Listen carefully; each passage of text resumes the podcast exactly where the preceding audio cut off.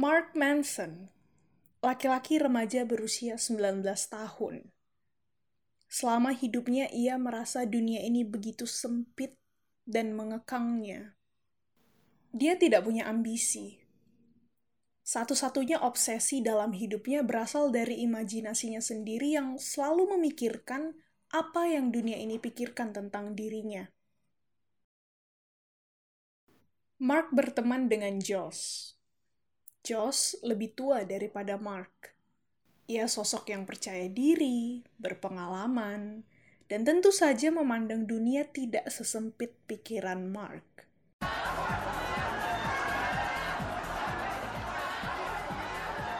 Ketika Mark berumur 19 tahun, ia dan Josh pergi ke sebuah pesta di danau di utara Dallas, Texas.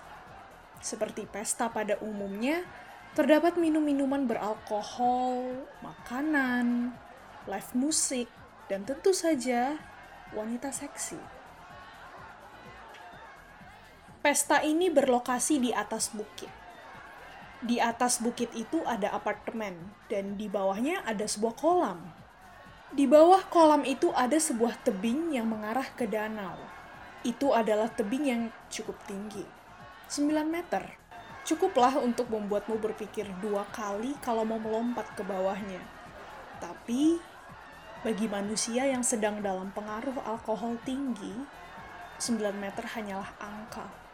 Dia akan melompat tanpa harus berpikir ulang. Mark dan Josh berbincang di tepi kolam sambil minum bir. Obrolan mereka seputaran minum-minum, band musik, perempuan, dan semua hal keren yang dilakukan Josh selepas berhenti dari sekolah musiknya. Berpesta di lokasi geografis yang sangat menantang ini membuat Mark terpacu untuk menggunakan imajinasinya yang sayangnya sangat sempit itu. Ia mendongakkan kepalanya ke arah tebing di atas danau itu sambil berkata, Kayaknya asik ya terjun dari sana. Tentu, orang-orang sering melakukannya di sini. Kamu akan melakukannya? Hmm, mungkin. Lihat saja nanti.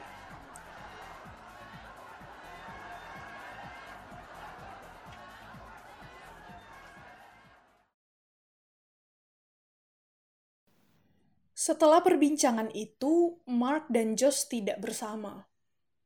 Mark asik berbincang dengan gadis Asia yang suka main game. Ya, meskipun gadis itu tidak tertarik pada Mark. Tapi setidaknya, ia tidak menampilkan ekspresi jijik ketika ngobrol berdua. Gadis itu membiarkan Mark berbicara sepuasnya. Lalu mereka berdua naik ke rumah di atas bukit untuk mengambil makanan. Ketika sedang naik ke atas bukit, Mark berpapasan dengan Josh yang mau turun. Mark menawarinya makanan, tapi Josh menolak. Uh, Josh, di mana aku bisa menemuimu setelah ini? Cari tahu sendiri kebenarannya. Aku akan menemuimu di sana. Baiklah, aku akan menemuimu di sana. Mereka tertawa sambil berjalan menuju tujuan masing-masing. Mereka terlihat seperti dua sahabat karib yang baru saja saling melempar lelucon internal, dan hanya mereka berdualah yang bisa memahami artinya.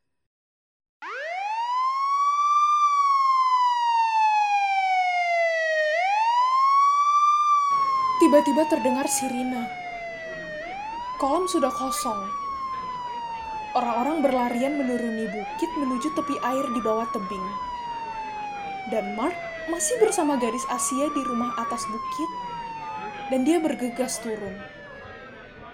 Sejauh pandangan Mark bisa melihat, ada beberapa sosok laki-laki yang berenang di danau bawah tebing. Sesampainya Mark di bawah, ia mulai mencari Josh ia bertanya kepada seseorang, tapi tidak ada yang menghiraukan dirinya. Semua mata tertuju pada air danau, dan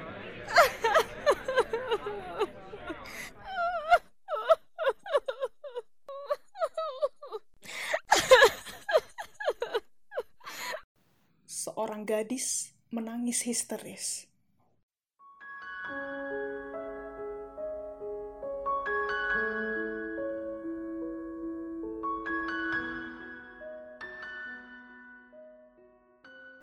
Di situlah saat di mana Mark paham apa yang sebenarnya terjadi.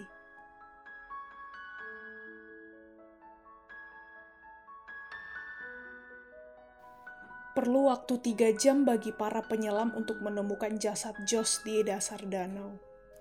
Josh adalah perenang yang buruk.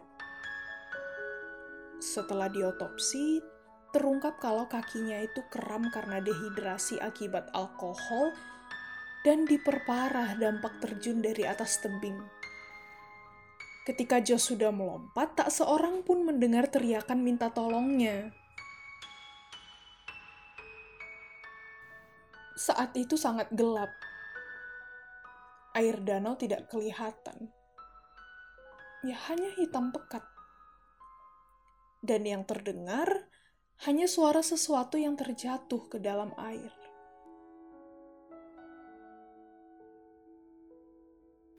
Mark sangat terpukul oleh kejadian malam di pesta yang tidak ia duga sama sekali.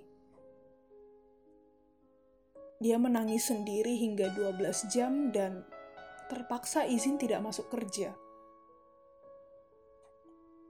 Depresinya semakin parah hingga pada level kehampaan yang baru kali ini ia rasakan. Kesedihan yang terlampau dalam sampai-sampai membuat fisiknya sakit. Apa pun, siapa pun, tidak ada yang berhasil menghiburnya. Teman-teman Mark yang menjenguknya harus menerima senyum palsu Mark yang berbohong bahwa dirinya sudah merasa lebih baik. Namun di balik itu, Mark tidak bisa merasakan apa pun. He was very depressed. Beberapa bulan setelah kematian Josh, Mark bermimpi tentang Josh dalam tidurnya. Mereka mengobrol tentang kehidupan, kematian, dan hal-hal remeh lainnya.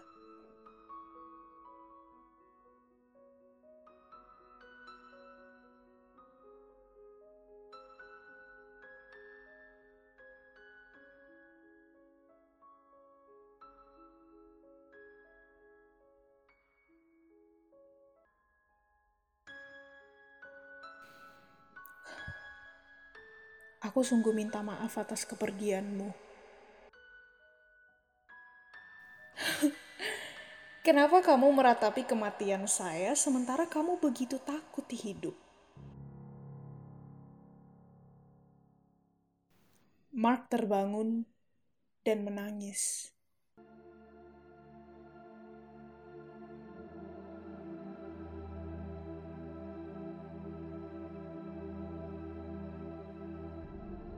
Mark, si manusia pemalas dan tidak bertanggung jawab atas jalan hidupnya itu menyadari satu hal di tengah kehampaan yang semakin menikamnya. Bahwa jika memang tidak ada alasan untuk melakukan sesuatu pun, tidak ada alasan juga untuk tidak melakukan apa pun.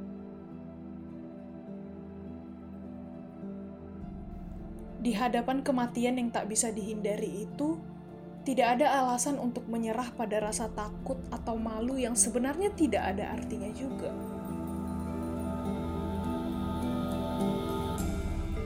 Mark adalah manusia yang masih sering dibayang-bayangi oleh beban masa lalunya. Susah baginya untuk melangkah ke depan karena salah satu kakinya masih terikat dengan masa lalu di belakangnya.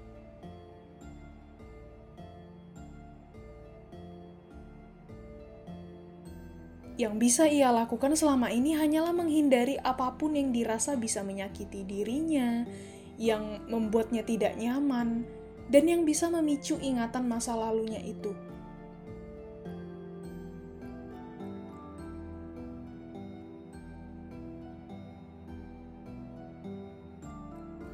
Banyak orang bisa berkata bahwa Mark terlihat baik-baik saja selama ini.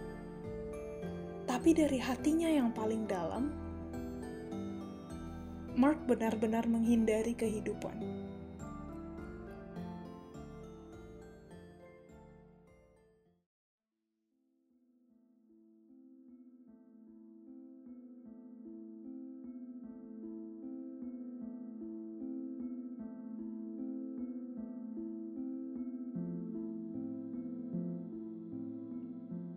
Kematian Josh menjadi titik tonggak perubahan kehidupan Mark.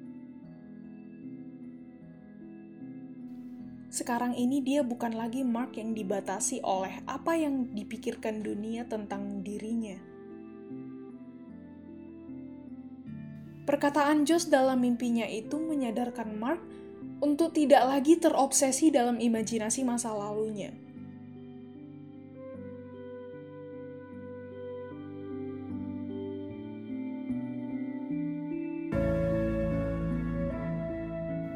Mark sudah jadi pribadi yang baru. Pribadi yang hanya peduli dengan sesuatu yang lebih penting ketimbang rasa tidak aman dari beban masa lalunya.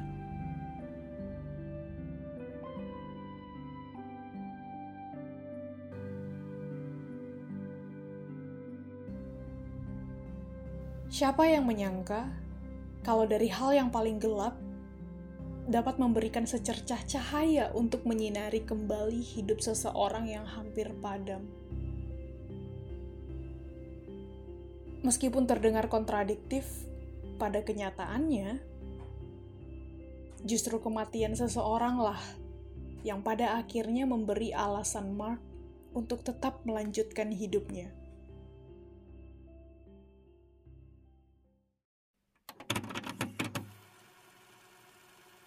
Hai, kamu sudah sampai di penghujung episode 13. Cerita yang baru saja selesai kamu dengarkan, saya ambil dari bab terakhir buku yang fotonya ada di cover episode ini. Cerita itu saya tulis ulang. Saya tambahkan sedikit kata-kata saya sendiri. Dengan pemaknaan pikiran saya sendiri, dan saya sampaikan agar bisa kamu dengarkan saat ini. Terima kasih. Maaf kalau topiknya sedikit mengganggumu. Dua episode terakhir, yaitu episode 12 dan episode 13 kali ini saya membahas tentang kematian. Saya suka topik ini bukan karena saya ingin cepat mati, tapi karena saya sadar anugerah Tuhan yang bernama kehidupan itu dibarengi dengan kenyataan yang tak terhindarkan, yaitu kematian. Sudah sangat banyak manusia yang membahas tentang kehidupan, dan kali ini biarlah giliran kematian yang mendapatkan spotlight untuk diperbincangkan. Dan satu hal lagi, uh, saya sadar tidak ada yang aneh dengan memperbincangkan kematian secara vulgar. Saya tidak tahu tanggal berapa podcast ini akan tayang, tapi satu hal yang pasti, episode ini akan menutup rangkaian tahun 2020. Tahun yang sulit bagi sebagian besar orang. Banyak yang berharap tahun 2020 segera berakhir. Tapi di sisi lain saya sendiri berpikir, apakah dengan berakhirnya tahun 2020 lantas semua kesulitan kita juga akan berakhir? Entahlah, tapi biasanya tidak. Terserah kamu mau setuju atau tidak, tapi pada akhirnya tahun itu hanya deretan angka yang setiap 365 hari akan bertambah jumlahnya. Kehadiran atau kepergiannya itu tidak terlalu menentukan kebahagiaan atau penderitaan yang akan manusia alami. Sama seperti catatan panjang wishlistmu. Mau itu ditulis di awal tahun, tengah tahun, atau akhir tahun pun, tidak pernah ada jaminan seluruh isi daftar itu akan terwujud. Atau paling tidak dikerjakan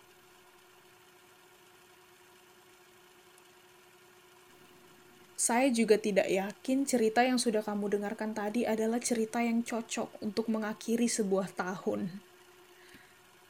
Uh, memang biasanya orang mengakhiri tahun itu seperti apa?